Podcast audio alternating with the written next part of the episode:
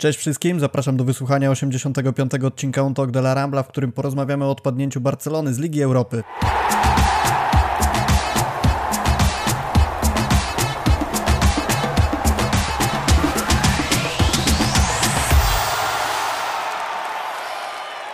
Jest dzisiaj ze mną Błażej Gwozdowski. Porozmawiamy sobie o tym, co wydarzyło się w ramach meczu ćwierćfinałowego Ligi Europy, a wydarzyło się naprawdę wiele, nie tylko na boisku, ale też na trybunach. Cześć Błażej, jak samopoczucie przed tym nagraniem? Cześć, no nie najlepsze, ale co Ale zrobić? robota musi być zrobiona.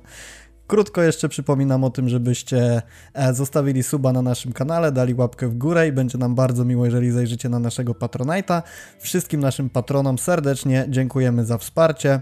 To, co się wydarzyło w meczu Ligi Europy jest poniekąd fenomenem, o ile nie możemy tak nazwać kolejnego odpadnięcia z europejskich pucharów, o tyle to, że na meczu było 25 lub 30 tysięcy kibiców Eintrachtu przyjezdnych z Frankfurtu oczywiście, e, jest poniekąd czymś naprawdę zaskakującym, nie tylko dla nas, ale też jak się okazało dla Szewiego czy innych e, działaczy klubowych.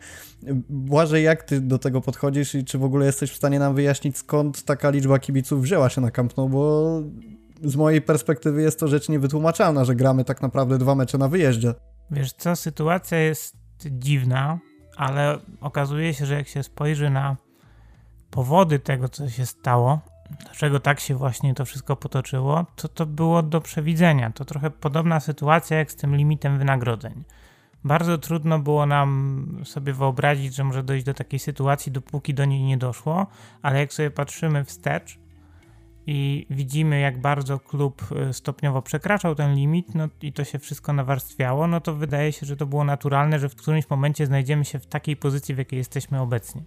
No i podobnie było z tymi wejściówkami na, na mecz z Eintrachtem, to znaczy klub od lat nie podnosił cen karnetów, od lat sprzedawał około 80% miejsc na spotkania zarówno ligowe, jak i Pucharu Króla, jak i Ligi Mistrzów dla Socios po bardzo przystępnych cenach i tutaj warto sobie to porównać, no bo jeżeli najniższa, najniższy karnet w sezonie 19-20 na mecze Barcelony w lidze Pucharze Króla oraz Lidze Mistrzów kosztował 150 euro. Tak, nie przesłyszałeś się, 150 euro. Pozwól, że ci przerwę, to jest kwota karnetu na cały sezon. Tak, ale mówimy o najniższej, czyli o takich najgorszych miejscach. E, to była, to była najniższa stawka. I tak działa to na wyobraźnię. No to połow, w połowie klubów La Liga najniższa cena za karnet była na poziomie dwukrotnie czy dwuipółkrotnie wyższym, a najdroższy karnet na komplet meczów, które Barcelona ma do rozegrania na Camp Nou, był na poziomie 1200 podaje się euro, ale tak naprawdę to nie jest 1200 euro, dlatego że e, w tym jest wliczona składka Socios, czyli tam wtedy wychodziło chyba 180 euro za sezon, więc de facto sam karnet wychodził na poziomie 1090 euro, coś koło tego to wychodziło. Dla porównania najdroższy karnet na, na Santiago Bernabeu to jest dwa, prawie 2700 euro. E, mówimy o sezonie 19-20, tak? I podobnie dużo droższe są bilety. E, najdroższe karnety są na Walencję czy na Atletico Madryt na Wandzie. Czyli to wszystko pokazuje, że klub sam się troszkę zapędził w taką sytuację i musiał to nadrabiać. Co to znaczy musiał nadrabiać? Musiał bardzo radykalnie podnosić ceny biletów dla pozostałych kibiców. Co z kolei powodowało, że znaczna część katalończyków nie mogła sobie pozwolić, by przyjść na każdy mecz, a to powodowało, że te bilety, które były w ogólnej sprzedaży, trafiały po prostu do przypadkowych kibiców, w tym wypadku do kibiców Eintrachtu. Poza tym tutaj jeszcze dochodzi jedna kwestia, kwestia zwrotu biletów, która nie działała w tym sezonie. Na mecz z Eintrachtem było to możliwe, ale bezpłatnie, czyli Socios mogli zwrócić bilet, który im przys przysługiwał za darmo do klubu, a klub mógł go sprzedać dalej. I część Socios się na to zdecydowała, ale znaczna część się nie zdecydowała, w związku z czym po pierwsze mieliśmy 20 tysięcy miejsc wolnych w tym meczu, w którym czysto teoretycznie Barcelona sprzedała wszystkie wejściówki, a mimo to było 20 tysięcy pustych miejsc. No i dodatkowo, i dodatkowo Socios woleli oczywiście zarobić na tej swojej wejściówce, czyli sprzedać ją w jakiś sposób, odsprzedać, co tak naprawdę nie jest do końca zgodne z prawem. i na przykład zarobić na cały karnet, tak? Bo to też było możliwe. Zwłaszcza, że przed tym sezonem ponad 20 tysięcy Socios, 25 chyba nawet zrezygnowało ze swoich, zawiesiło swoje karnety i klub miał prawo je sprzedać dla innych Socios. I oni kupowali te karnety na, za kwoty na całkiem niezłe miejsca do końca sezonu za kwoty na poziomie 180-200 euro, tak?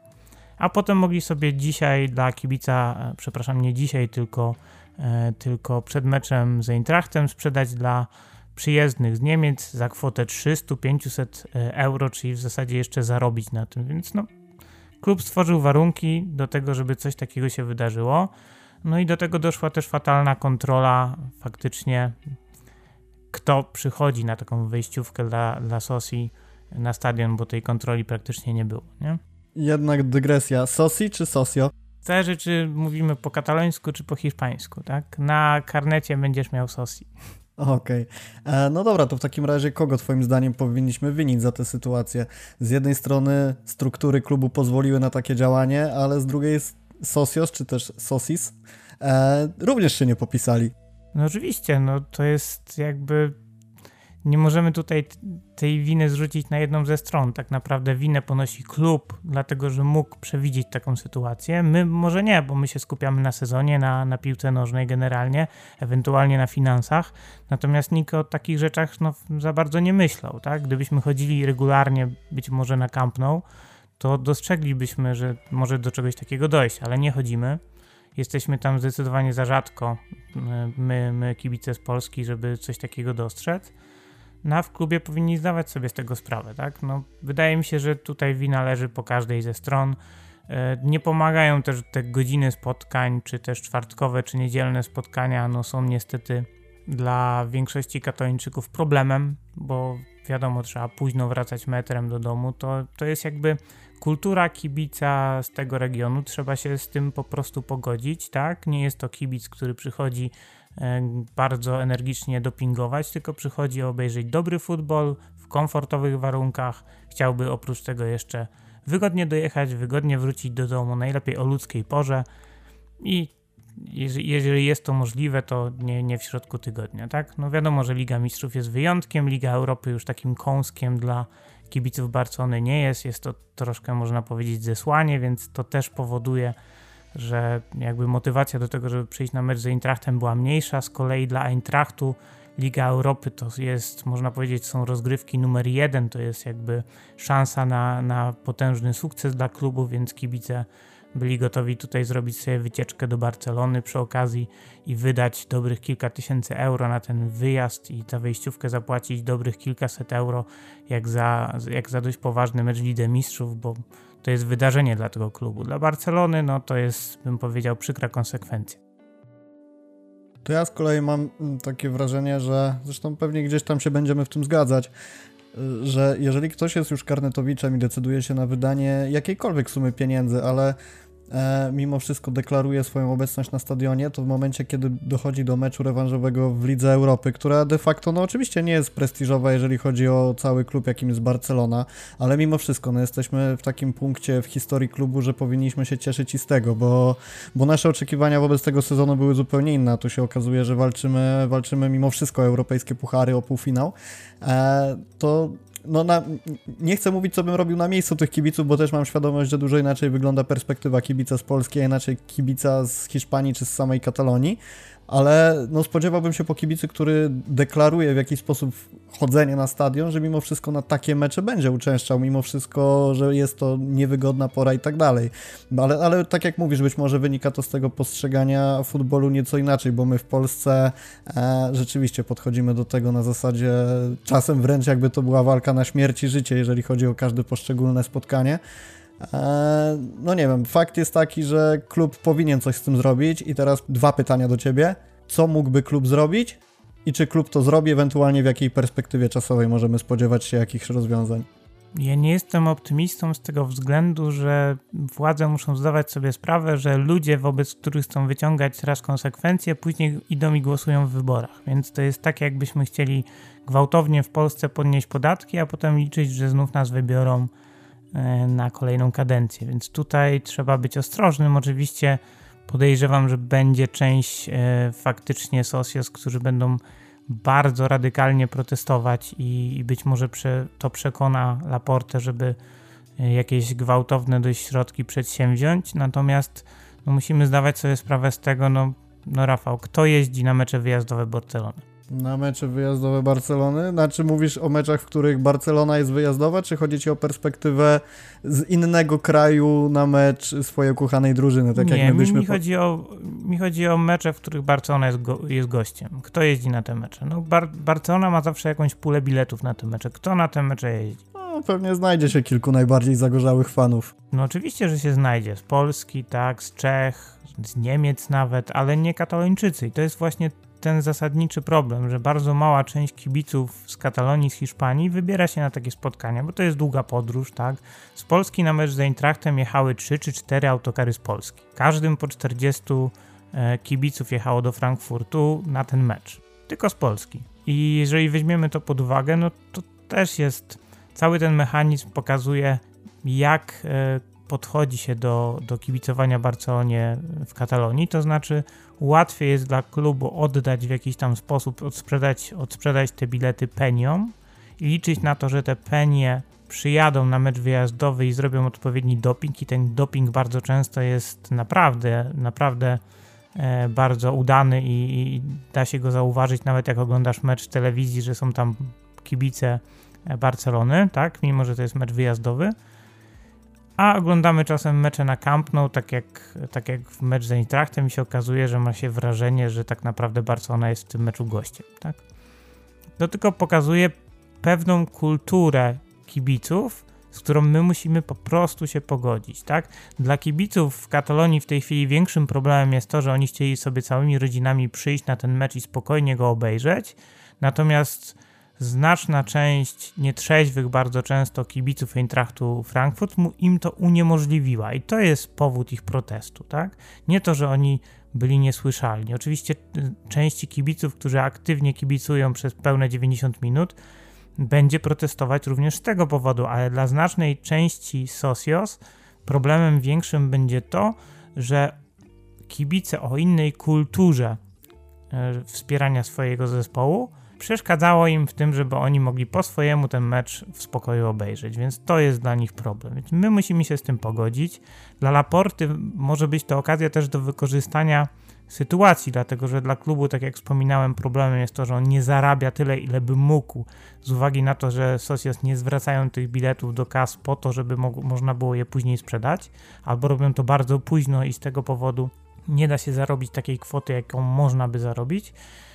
I to powoduje no, jakiś tam problem. Już nie wspomnę o takiej już całkowicie bezprawnej sprzedaży biletów za bardzo wysokie sumy, która jest dla klubu no, w zasadzie rodzajem kradzieży, tak? Bo tak to można byłoby nazwać. No, jeżeli ktoś wykupuje karnet za 300-400 euro, a potem na jednym bilecie na mecz z Eintrachtem zarabia 500 euro, no to jest to, umówmy się, rodzaj takiej kradzieży. Ja się tego słowa nie boję użyć, natomiast no, zgodnie z prawem można by powiedzmy to próbować jakoś tłumaczyć i jakoś bronić tego, e, tego kibica, że to nie jest jednoznaczna kradzież, tak? Natomiast na pewno jest to, umówmy się, już poza granicami prawa. Ja bym jeszcze na sekundę wrócił do tego, co powiedziałeś o samych kibicach, bo przypomniał mi się mecz Barcelony. To był rok 2013 albo 14, już sobie nie przypomnę dokładnie, 14 chyba jednak. Eee, no nieważne, poprawią nas na pewno w komentarzach, kiedy Barcelona grała z Lechią w Gdańsku i atmosfera w samym mieście, czy też na stadionie przygotowana przez kibiców z Polski była po prostu niesamowita. I oczywiście możemy to bronić tym, że, znaczy bronić, to nie było nic złego, żeby to bronić, ale możemy to argumentować, może to będzie lepsze słowo, tym, że Barcelona jest marką globalną i prawdopodobnie w Polsce kibiców Barcelony, odważę się to powiedzieć, jest pewnie więcej niż kibiców samej Lechi, więc wydarzenie naprawdę niesamowite, też określone mianem supermeczu, ale rzeczywiście zrobiło to niesamowite wrażenie, taka oprawa przez lokalnych kibiców dla zagranicznej drużyny, która przebiła absolutnie wszystko. Ta sektorówka rozciągnięta na całą trybunę, no piękna sprawa, więc rzeczywiście trzeba mieć na uwadze te różnice kulturowe w kibicowaniu. E, co do zachowania kibiców Eintrachtu, ja jestem ciekawy, być może ktoś z naszych słuchaczy był na tym meczu i mógłby się odnieść w komentarzach do całej sytuacji, bo rzeczywiście przebiło się do mediów sporo informacji o tym, że kibice Eintrachtu zachowywali się, jak mówiąc w cudzysłowie, bydło i za, zastanawia mnie, jaka jest proporcja tych, tych złych do tych dobrych kibiców i jestem mega ciekawy, bo często jest tak, że rzeczywiście zadymę robi, wiesz, jakiś tam niewielki odsetek ludzi na trybunach, a potem postrzega się ich jako całość i odnosi się do, do całości tych przyjezdnych kibiców bardzo negatywnie, a, a być może wcale tak nie było. No ale mówię, ciężko to ocenić z perspektywy kibica przed telewizorem, a, a pewnie dużo łatwiej byłoby się wypowiadać będąc na trybunach. Także dlatego jeszcze raz przypominajka, jeżeli ktoś był na tym meczu i mógłby się, e, mógłby nam podpowiedzieć, jak to rzeczywiście było, to bardzo chętnie, albo ewentualnie, jeżeli ktoś ma jakieś wiarygodne źródło informacji o tym. E, na 15 minut drugiej połowy część kibiców opuściła Camp Nou w ramach protestu przeciwko temu, co się dzieje na trybunach. I tutaj Twitterek oszalał, bo użytkownicy podzielili się na dwie grupy. Jedna oczywiście opowiadała się za tym, że jest to e, dobry sprzeciw, został odebrany bardzo pozytywnie i e, bronili go jako, że rzeczywiście zachowanie było super i że coś się wydarzyło takiego, żeby podbić komunikat w stronę klubu, że sytuacja jest bardzo negatywna, jeżeli chodzi o trybuny. Ale była też grupa, która e, twierdziła, że wobec tego, że jest i tak bardzo wielu kibiców Eintrachtu, to oni nie powinni wychodzić, a wręcz dopingować jeszcze bardziej. I jak ty do tego podchodzisz? W której grupie jesteś? A może jesteś w trzeciej grupie?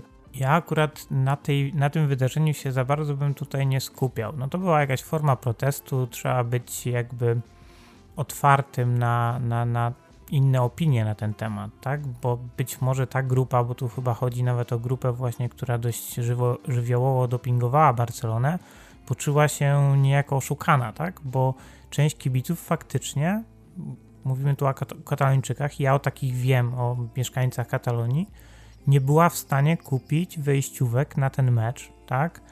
Po normalnych, takich dla nich akceptowalnych cenach. Po prostu nie było to możliwe. Mecz był wyprzedany.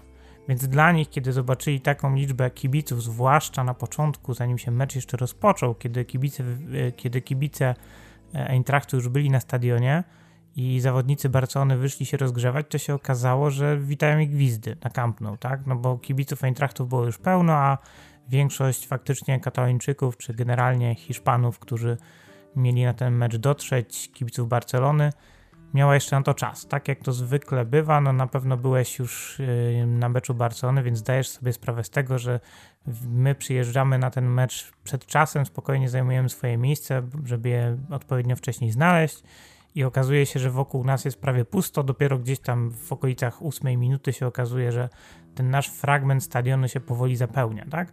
Dokładnie tak było. Zbliżamy się do przerwy, wychodzą sobie po jakieś napoje, tak, więc wychodzą wcześniej. Mi się zdarzało, że omijali bramki, przychodzili i pytali mnie po hiszpańsku, co się wydarzyło, jak to się stało, że padł gol. Także to jest jakby sytuacja, sytuacja naturalna, tak? I biorąc to wszystko pod uwagę, czyli zdając sobie sprawę z tej kultury kibicowania, no po prostu takie rzeczy trzeba akceptować. Krytyka nie ma sensu, w sensie kry krytyka tych osób, które protestowały w tej sytuacji, moim zdaniem nie ma sensu. To jest tak jakby być złym na to, że woda jest mokra, tak? Nie zmienimy tego, więc nie ma, nie ma sensu się na tym szczególnie skupiać. Tak po prostu jest. Pytanie, co zrobi Laporta, żeby klub przestał tracić pieniądze i żeby kibice faktycznie czuli się bezpiecznie, bo to jest problem tych kibiców, mam wrażenie, w tej chwili. A Laporta jest oburzony, oczywiście dał temu upust na konferencji w mediach społecznościowych, ale ja szczerze mówiąc powstrzymuję się jeszcze od komentarza i, i, czekam na jakieś rzeczywiście pierwsze rozwiązania, a niekoniecznie dymienie w mediach, bo, bo mówić można, ale ocenimy realne działania. Dobra, przejdźmy sobie w takim razie do samego meczu. Meczu, który dla Barcelony zakończył się wynikiem 2 do 3, aczkolwiek bardzo długo wydawało się, że się skończy 0 do 3. Zacznijmy sobie od wyjściowego składu.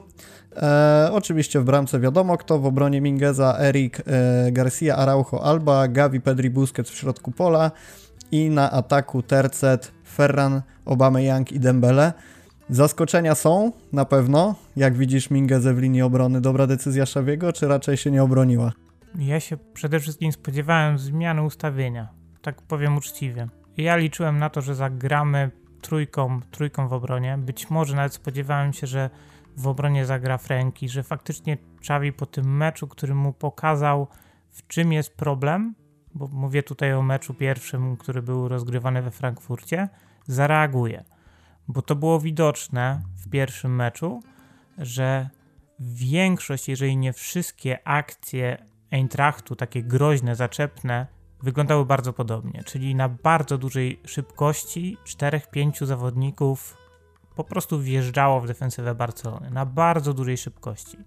Knauf, Kostić, Lindström, tak, e, czy Kamada, zawodnicy bardzo szybcy, nieźle wyszkoleni technicznie i teraz albo były sytuacje, w których była to równowaga bądź też przewaga zawodników Eintrachtu, dlatego że Barcelona nie, nie potrafiła tak szybko wrócić do obrony po stracie, albo były sytuacje, w których owszem Barcelona miała przewagę, ale nie zdążyła się właściwie ustawić w defensywie, w związku z tym była szansa na to, żeby oddać strzał z dystansu, tak, bo nie była dobrze e, zablokowana, e, zabloko obrona dobrze nie blokowała tych, e, tych, tych jakby fragmentów pola karnego, w które można było po prostu sobie wbiec, tak?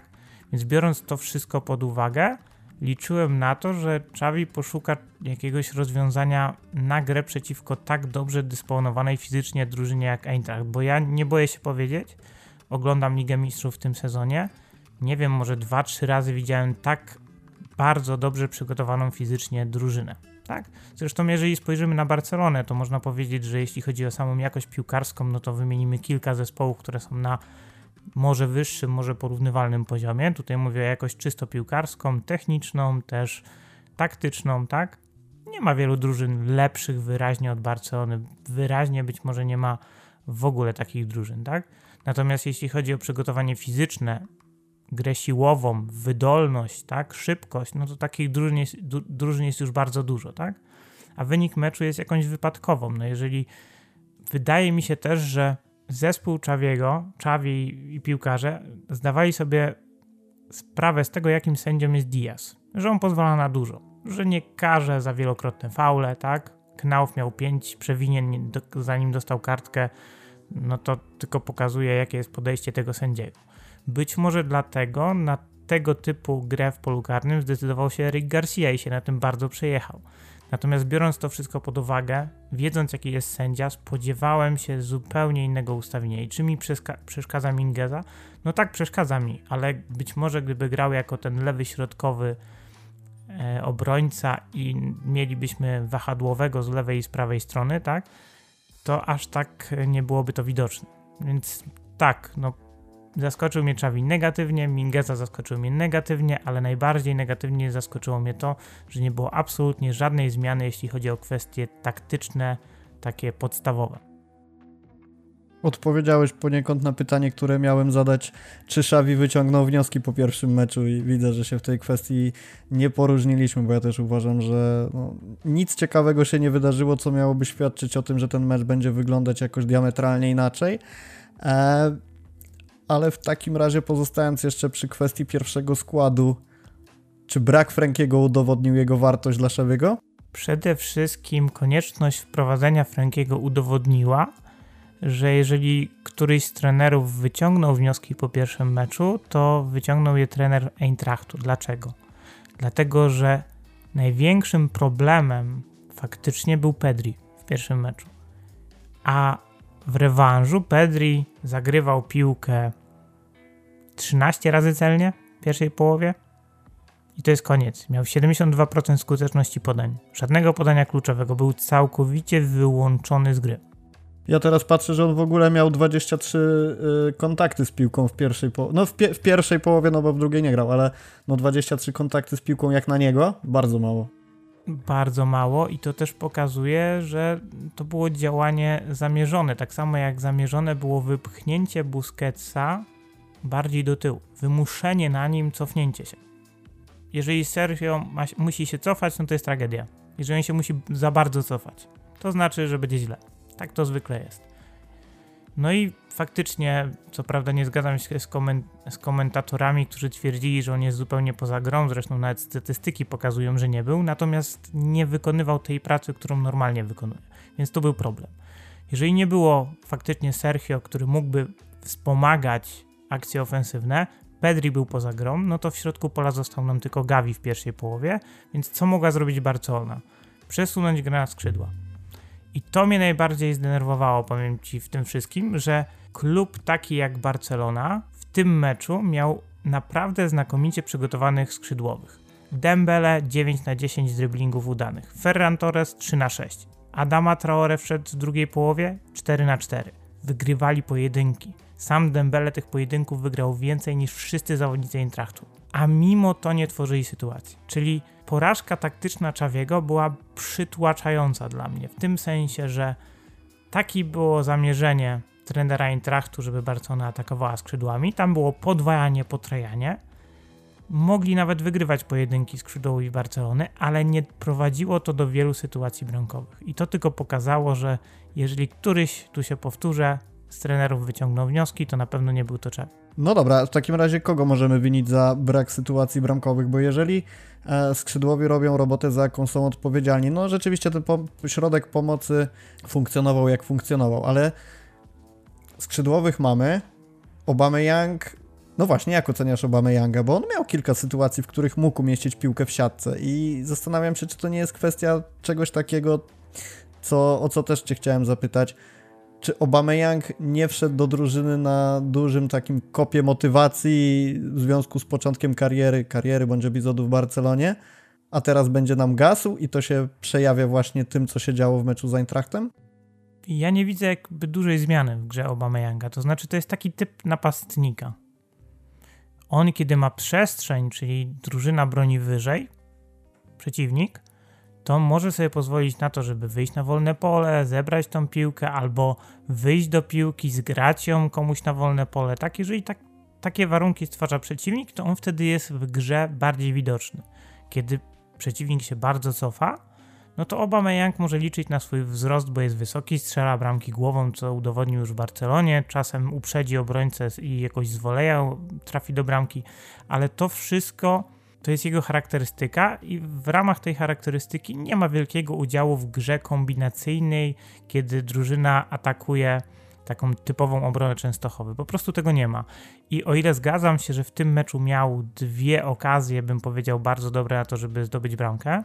Jedną po strzałę głową dośrodkowanie było odrobinę za wysokie, a drugą no pusta bramka, ale też ta piłka była chyba tam muśnięta po drodze, albo przynajmniej jakby reakcja obrońcy zmyliła odrobinę Gabończyka i dlatego był nieprzygotowany do końca, żeby tą piłkę po prostu skierować do siatki ale poza tym nie miał zbyt wielu piłek, nie dostawał wielu prostopadłych dośrodkowań, bardzo rzadko te e, podań prostopadłych, przepraszam, bardzo rzadko też same dośrodkowania nie były celne, tak? Co więcej, e, skrzydłowi owszem wchodzili w pojedynki, ale Eintracht doprowadzał do sytuacji, że oni wchodzili w te pojedynki na 40 metrze od bramki, tak? Czyli bardzo daleko.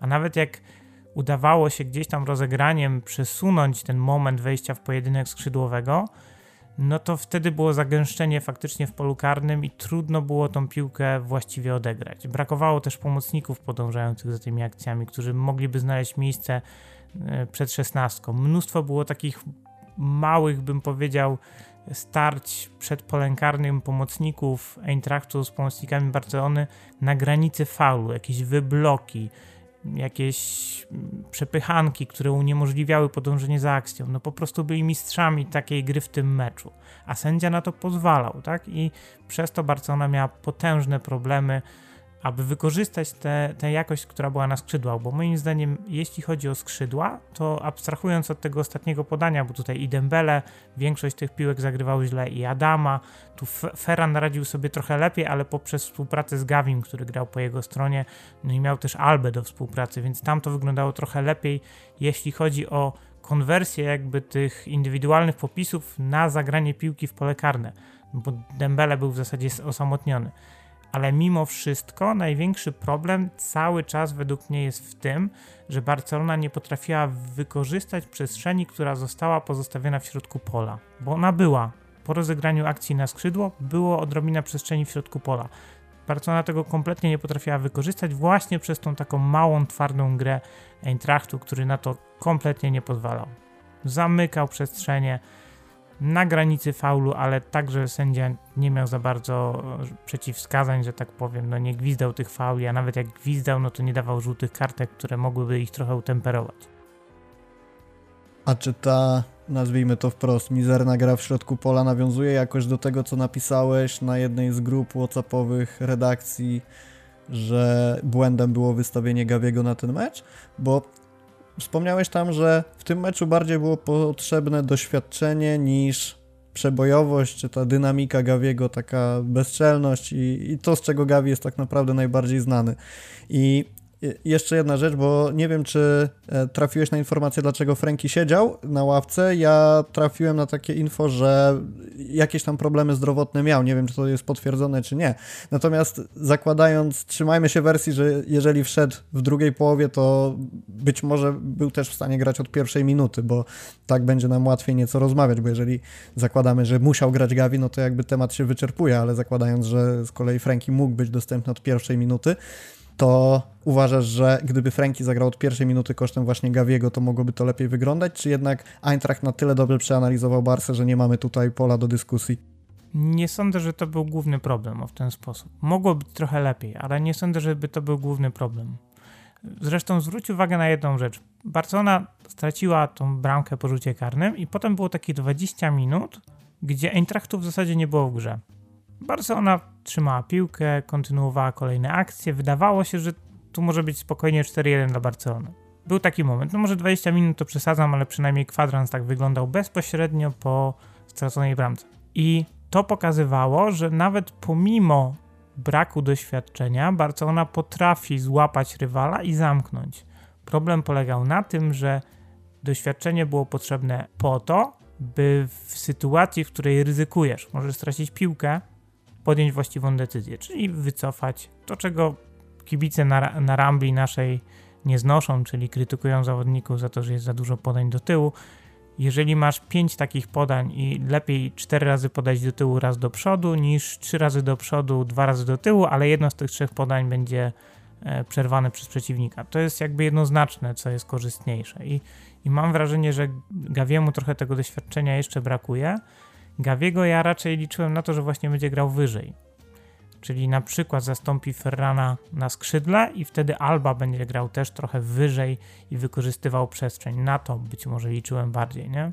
Bo Gawiego chciałem w tym meczu zobaczyć, ale nie sądzę, żeby jakby zmiana przy tej taktyce, żeby wprowadzenie Frankiego za Gawiego jakoś odmieniło to spotkanie.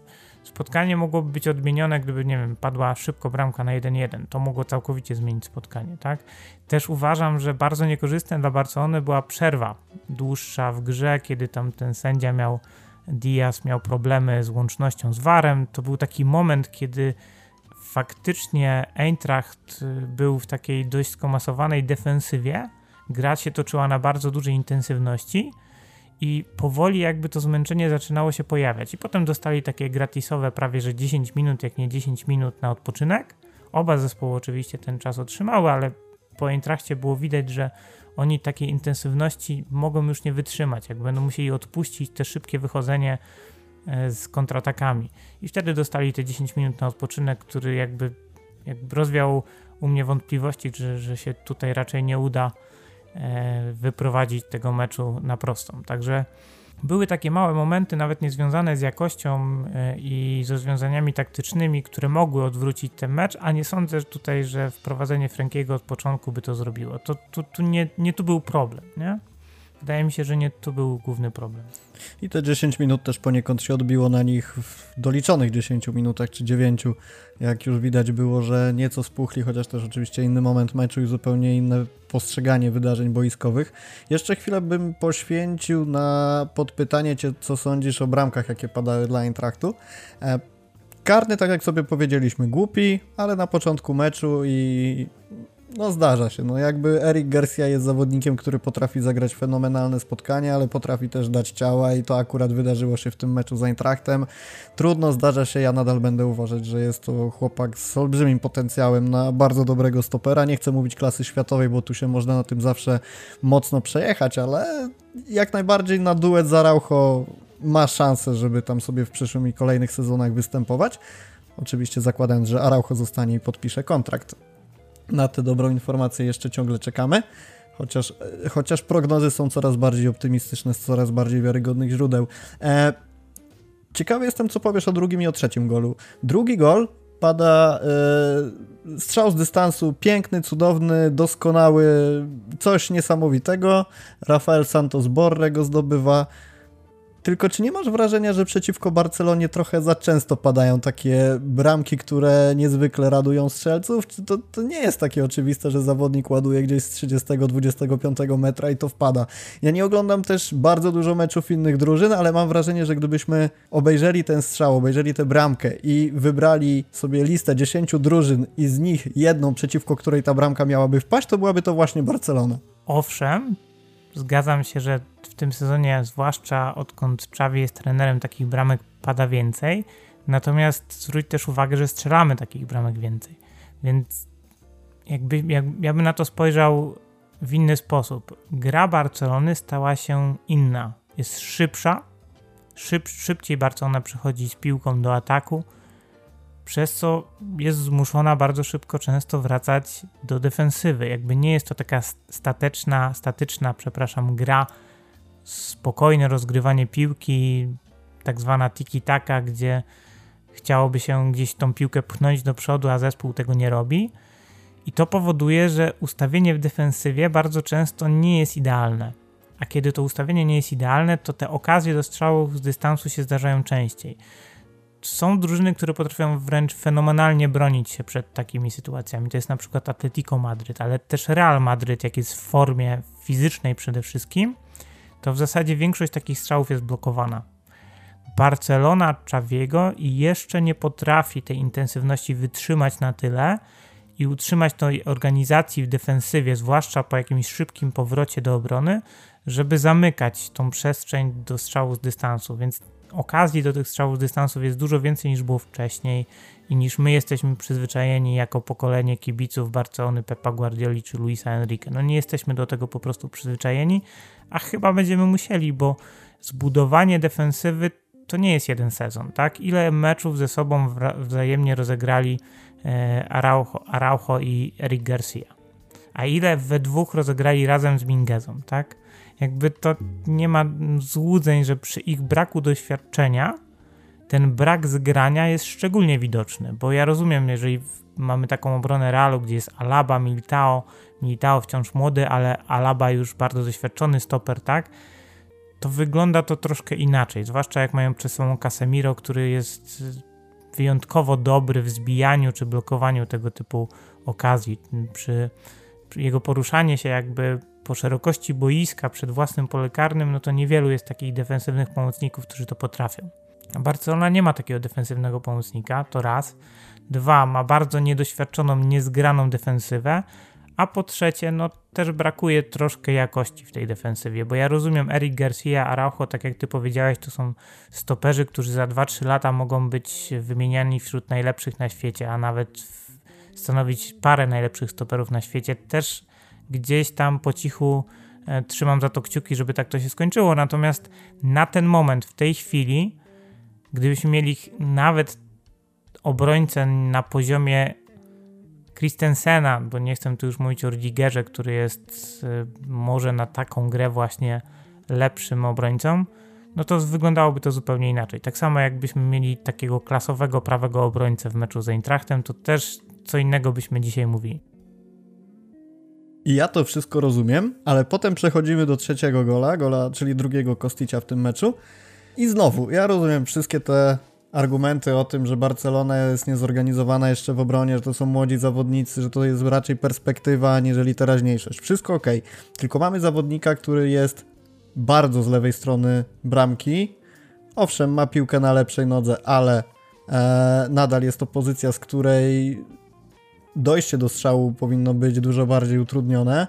Mamy Desta, który przy nim stoi, okazuje się, że ani Dest, ani potem Ter Stegen tej piłki nie zatrzymuje. No nie masz takiego wrażenia oglądając to spotkanie, że znowu, gdyby to była inna drużyna, to być może zupełnie inaczej by się to skończyło i nawet jeżeli obrona Barcelony gra w tym momencie słabo, znaczy słabo, no wiadomo o co chodzi, jest niezorganizowana i tak dalej, to czy mimo wszystko Ter Stegen nie powinien wyjąć tego strzału? Bo ja jak widziałem tę bramkę, nie wiem czy słusznie, ale miałem po raz kolejny wrażenie, że była to piłka, którą Ter Stegen w formie by wyjął. Możliwe. Możliwe, że gdyby był w lepszej formie, wyciągnąłby ten strzał. Natomiast też Dest nie wyglądał na piłkarza, który był przygotowany nawet na 45 minut.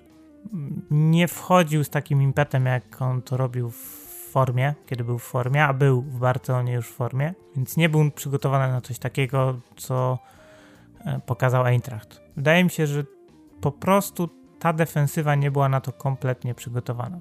Szybkość, z jaką gracze Eintrachtu wchodzili w obronę Barcelony, była no, śmiercionośna dla obrony. To, to jakby ja miałem wrażenie, że nawet jeżeli widziałem, że gdzieś tam jest potencjał, żeby tą akcję zatrzymać, to gdzieś z tyłu głowy miałem, on zaraz tą piłkę jeszcze w ostatniej chwili puści dalej, a jak puści ją dalej, to wiadomo, że dobiegnie do niej pierwszy.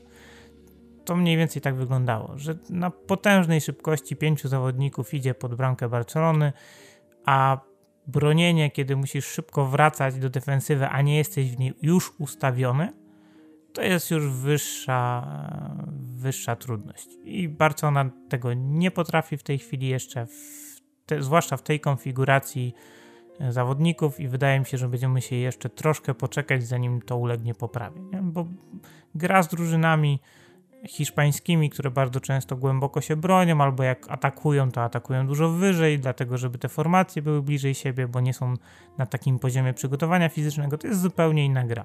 To samo przy zupełnie innym sędziowaniu byśmy rozmawiali w zupełnie inny sposób dzisiaj, bo to był sędzia, który w miarę dobrze sędziował. Ja bym tam się zastanowił ewentualnie, czy nie powinno być karnego na faul, za faul na Albie, ale generalnie sędziował dla mnie do przyjęcia, tak? Z wszystkiego się wybroni, nawet z tego rzutu karnego. To był taki rzut karny, można by nazwać, teraz mi przychodzi do głowy karnym Schrödingera, to znaczy dopóki sędzia nie, nie zagwizdże, to może być zarówno karny, jak i niekarny. A jak zagwizdże i, i, i powiesz, że to jest rzut karny, to powiesz, no tak, był kontakt, chwycił, więc jest karny. Jak nie zagwiżdżę, to powiesz, no tak, był kontakt, ale no nie, nie, nie podyktowałbym karnego. Czy według ciebie, gdyby sędzia nie podyktował rzutu karnego w tym meczu, rozmawialibyśmy jakoś szeroko o tym dzisiaj? Nie, myślę, że nie. Myślę, że akurat jeżeli chodzi o sędziego, to możemy mieć najmniejszy żal o to nie, nie było takich błędów, które przekreśliły Barcelonę w tym meczu albo jakoś wybitnie promowały Eintracht, więc no przede wszystkim w tym meczu patrzymy na siebie, a dopiero gdzieś tam w, na trzecim czy czwartym planie na sędziego. Dokładnie, ale chodzi mi po prostu o to, że przy, tym, przy tej postawie sędziego było więcej okazji na to, żeby Barcelona traciła piłkę w środku pola. Przy tej intensywności Eintrachtu musiała bronić w biegu, czyli wracając do obrony musiała już bronić, reagować, wchodzić, tak? I nie, nie nadążali obrońcy, żeby się ustawić. Pomocnicy też nie nadążali, żeby w odpowiednim momencie gdzieś tam asekurować, zwłaszcza bocznych obrońców, którzy musieli wychodzić bardziej do linii. No brakowało tutaj organizacji w defensywie, ale przy tak szybkiej grze Eintrachtu to było do przewidzenia. Ja raczej się jestem zawiedziony tym, że było aż tak dużo strat, że Eintracht miał aż tak dużo okazji do takiej gry, bo gdzieś tam wiedziałem, że będą tego typu sytuacje. Nie myślałem, że będzie ich aż tak dużo, z tak dużą częstotliwością i że Barcelona nie będzie potrafiła odpowiedzieć ofensywnie. Jakby tu widzę większy problem. Barcelona przy wyniku 0 do 3 zdołała jeszcze strzelić dwa gole. Pierwszy fenomenalny, jeżeli chodzi o Busquetsa, bo sądzę, że takich bramek do końca kariery on już wiele nie zdobędzie. Naprawdę klasa światowa, jeżeli chodzi o to uderzenie. Być może nawet e, prognozuje to na jakieś częstsze próby. Bardzo bym sobie tego życzył. I gol z karnego Memphisa, no tutaj już nieco mniej finezji, po prostu bomba w środek, która gdzieś tam fartem do bramki wpadła, też niewiele za linią piłka się znalazła, ale liczy się to, to co w sieci, albo to co, mówiąc wprost w przypadku tego gola, za linią bramkową. E, mecz skończył się wynikiem 2 do 3, a pojawiło się dużo takich głosów w necie, że był to kolejny euro w piernicz Barcelony, że znowu psycha i sitting i tak dalej, i tak dalej. E, nie masz wrażenia, że w tym też jest dużo prawdy? No bo spójrzmy sobie na to tak. Barcelona przez cały mecz oczywiście taktycznie nie pokazała nic za wiele ciekawego, ale z drugiej strony powtarza się taka sytuacja, kiedy nie idzie ci na poziomie sportowym, to gdzieś tam musisz walczyć z serduchem. I w Barcelonie po raz kolejny tego nie było. No grali, grali tak jak potrafili, grali tak jak ich poustawiał Xavi, próbowali robić to co mogli, ale zabrakło moim zdaniem takiego typowego pazura i i, I, tam, gdzie nie możesz już nogami, tam, gdzie ciało nie domaga, to walczysz głową i wal, walczysz z serduchem. I to też wydaje mi się, że poniekąd tłumaczy to, co się wydarzyło w końcówce, bo w momencie, kiedy przegrywasz 0 do 3 i jest gdzieś ta, już sobie podglądam, w której, moment, w której minucie Busquets strzelił gola, w 90, e, po 90, w pierwszej minucie doliczonego czasu gry. Już masz takie, i tak jest 0-3, możemy robić wszystko, jak odpadniemy, to odpadniemy, a już schodzi z ciebie po prostu taka presja, że i, i tak cię nie ma w tych rozgrywkach. Nie masz wrażenia, że tutaj psychika po raz kolejny zawiodła? I tak i nie. To znaczy, po niektórych, po niektórych piłkarzach widziałem, że było to serducho. I to akurat jest coś, co powinniśmy traktować jako powody do optymizmu. Bo i Ronald Araujo, i Dembele, tak? To byli piłkarze, którym bardzo zależało, żeby ten mecz wygrać. I to było widać w każdym ich zagraniu. No racja, co do, co do Araujo i Dembele rzeczywiście zgoda. Tak. Można powiedzieć, że Dembele taka jest moja, e, moje spostrzeżenie, że to był pierwszy mecz odkąd jest w Barcelonie Dembele, w którym on oprócz tego, że grał dobrze w ofensywie i był gdzieś tam obecny również w destrukcji, to jeszcze reagował na te sytuacje boiskowe prawie że jak lider, tak bym to określił. Czyli w sytuacji, w której nie idzie zespołowi, pokazywał się, dajcie mi piłkę, ja spróbuję coś zrobić. Tylko nie powinno być oczywiście takich sytuacji. To nie jest kurczę koszykówka, żeby jeden zawodnik rzucił 50 punktów i pociągnął zespół. W piłce nożnej jest o to dużo, dużo trudniej. Takich zawodników, którzy potrafili to zrobić, no jest bardzo niewielu dzisiaj w ogóle w historii nie było ich też tak wielu. I, I, to jest problem Barcelony. Tak samo Araujo w samej końcówce, to, że on kreował okazję w końcówce, ale nie tylko w końcówce, bo wcześniej też mógł zdobyć bramkę, no to też jest jakby informacja jakaś dla nas, tak, że, że walczył. Tak samo nie, nie winiłbym też Erika o to, że gdzieś tam zabrakło mu serducha, bo on w tych interwencjach powstrzymał i tak mnóstwo z tych potencjalnych kontrataków Eintrachtu. Jego też bym szczególnie nie winił. Gavi również walczył, dopóki mu starczyło sił, to walczył ile był w stanie, tak, więc no, nie uważam, że zabrakło serducha, bardziej zabrakło przekonania, że my możemy coś takiego wyciągnąć, bo też nie mieli doświadczenia, że już to wcześniej w tak ważnym meczu robili. Więc być może brakowało bardziej doświadczenia niż takiego rzeczywistego serducha. Pewnie Obama Young jest najemnikiem kupionym, sprowadzonym do Barcelony po to, żeby zdobywać bramki i on patrzy z tej perspektywy na swoją grę. Więc nie oczekiwałem od niego, że on będzie dzisiaj walczył jak Luis Suarez na przykład w takich meczach. Więc tego się na przykład nie spodziewałem, więc nie byłem też zaskoczony, że tego zabrakło. Ten zespół po prostu jeszcze nie jest zbudowany. O tak bym na to spojrzał. Jest kilka miejsc, które wymagają potężnego wręcz wzmocnienia. To jest prawa obrona, tak? To jest środek obrony. Środek pola również, bo brakuje takiego zawodnika, który w takim meczu wejdzie na boisko i pokaże, że, że można przyjąć te warunki, które postawił przeciwnik, bo takiego piłkarza w zasadzie nie ma. Ani jeden nie jest do tego gotowy. Nie masz już dzisiaj żadnego Vidala, Seidu Keity czy, e, czy tym podobnych Paulinho. piłkarzy. Tak, nie, nie ma ani jednego, który wejdzie i coś takiego będzie robił, więc być może dlatego Frank Kessie jest tak ważny dla Czawiego, żeby w takim meczu go wpuścić i próbować walczyć e, na warunkach, jakie zaproponował zarówno przeciwnik, jak i sędzia. No i tyle.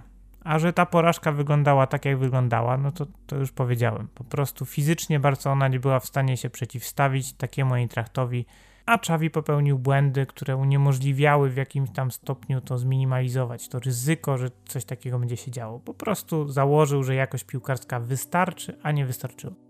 W momencie, kiedy nagrywamy ten podcast, Barcelona ma 30 rozegranych meczów w lidze, 60 zdobytych punktów. Przy jednym rozegranym meczu mniej 12 punktów straty do liderującego Realu. E, równo punktami dzielimy się z Sevillą, 3 punkty przewagi nad Atletico, 4 punkty przewagi nad piątym Realem Betis i 6 punktów przewagi nad szóstym Realem Sociedad, z którym e, gramy w jeszcze kolejnym meczu, czyli najpierw Cadiz, potem Real Sociedad na wyjeździe. Czy my jeszcze o coś walczymy w tym sezonie? Bo top 4 nawet przy spadku formy, jaki obecnie notuje Barcelona, wydaje być się czymś zapewnionym. Może nie matematycznie, ale sportowo, mentalnie myślę, że jak najbardziej tak. Czego oczekujesz od końcówki tego sezonu? Chciałbym, żeby zespół utrzymał tą atmosferę, a być może już teraz trzeba ją odzyskać, a nie utrzymać. Czyli żeby było takie poczucie, że że oni chcą ze sobą trenować, chcą ze sobą grać, że Dembele chce zostać w zespole, że Araujo chce zostać w zes zespole za mniejsze pieniądze, że nie ma takich wątpliwości, że ten zespół zmierza we właściwym kierunku. A jeżeli nie będą wygrywać, to nie da się tego utrzymać, więc po prostu trzeba mecz za meczem wygrywać. Czawi musi pomyśleć nad tym, jak tą drużynę ustawić bez Pedriego, bo to jest też problem. Jeden z takich dużych problemów, które przez cały sezon się za Barceloną ciągnęły, dlatego że Pedri nie miał presezonu, w ogóle można powiedzieć. Później miał uraz, ten uraz dość długo leczył, wrócił i w zasadzie gra cały czas, tak? No tak nie powinno być moim zdaniem. Powinien grać troszkę, troszkę mniej, a nie było jakby możliwości według Czawiego, żeby coś takiego zrobić. No, dlatego wydaje mi się, że w tej końcówce sezonu powinno być troszkę więcej rotacji. Powinien być może Czawi sprawdzić kogoś z Barcelony B, bo tam już ani raczej szans na awans, ani na spadek ryzyka, do spadku ryzyka wielkiego nie ma, więc może trzeba byłoby sprawdzić choćby któregoś ze stoperów. Jeżeli, jeżeli tam Mika miałby wskoczyć do pierwszej drużyny, no to wypadałoby dać mu zagrać w którymś z meczów, które jeszcze pozostały. Myślę, że Czawi ma na tyle odwagi, żeby spróbować.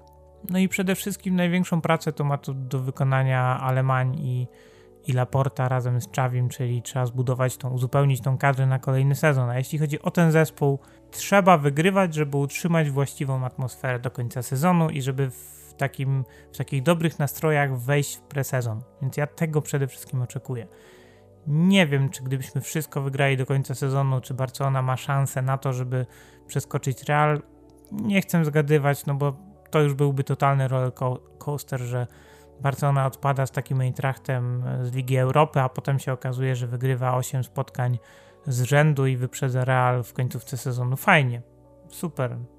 Być może są kibice, którzy wciąż to wierzą. Ja bym się skupiał na tym, że trzeba wygrać jak największą liczbę z pozostałych meczów po to, żeby ten, ten duch te, tej drużyny i ta wiara w to, że w przyszłym sezonie Barcelona będzie mogła znów walczyć o wszystko, żeby one pozostały, tak? a nie gdzieś się rozmyły, tak jak e, w zeszłym sezonie Kuman też miał szansę, tak? Szło mu nieźle i potem pod koniec sezonu się wszystko rozsypało. Tutaj oczywiście jest zupełnie inna skala. Myślę, że nawet jakby Xavi przegrał połowę spotkań, które pozostały, to aż tak negatywnego wrażenia nie pozostawi, ale jeżeli mówimy tutaj o przedłużeniu kontraktów, jeżeli mówimy o sprowadzeniu zawodników, no to na pewno to nie pomoże, żeby to wszystko przebiegało płynnie. A sama kontuzja Pedriego, o której wspomniałeś, no pod, pod względem sportowym wiemy, ile ten chłopak dawał i myślę, że wielu z nas odważyłoby się powiedzieć, że był to najlepszy piłkarz Barsy w ostatnich tygodniach i poza tym, że najlepszy pod względem efektywności, no to efektowność, jaką prezentował na boisku też naprawdę na niesamowitym poziomie. Tym bardziej, tak jak mówisz, no, przesiedział dużą część mm, sezonu na trybunach ze względu na kontuzję, po czym wchodzi, rozgrywa kilka meczów i okazuje się, że to już nie jest gość z potencjałem na przyszłość, tylko gość, który robi robotę już tu i teraz. Dlatego no, z jednej strony jak patrzymy na tę tabelę, to ja tak trochę zaczepnie powiedziałem, że mamy te top 4, ale z drugiej strony patrząc na to jak wyglądają punkty i że tych meczów do końca wcale jeszcze nie pozostało tak mało, no bo dla Barsy jest to 8 spotkań, też wcale z niełatwymi rywalami, bo wyjazd y, do Sociedad no, wiemy, jak to brzmi w kontekście poprzednich sezonów i jak tam Barcelona potrafiła się prezentować.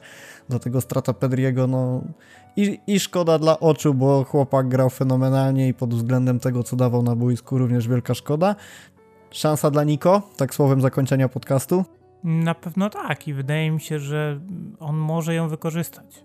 Dlatego, że to jest piłkarz, który kiedy będzie brakowało faktycznie pod koniec sezonów być może niektórym zawodnikom świeżości, to to jest piłkarz, który daje mnóstwo energii. I oczywiście tego nie będzie widać, bo to jest piłkarz innego typu niż Pedri, Pedri czy Gavi. To nie będzie piłkarz, po którym my będziemy widzieć, tak, rozegrał dobry mecz. Jak rozegra świetny, to nagle wszyscy to zauważą. Jak rozegra poprawny, dobry mecz, to ludzie będą narzekać, że zagrał za, za dużo do tyłu, tak? Więc wydaje mi się, że on to może wykorzystać i wypracować sobie taką pozycję przed kolejnym sezonem.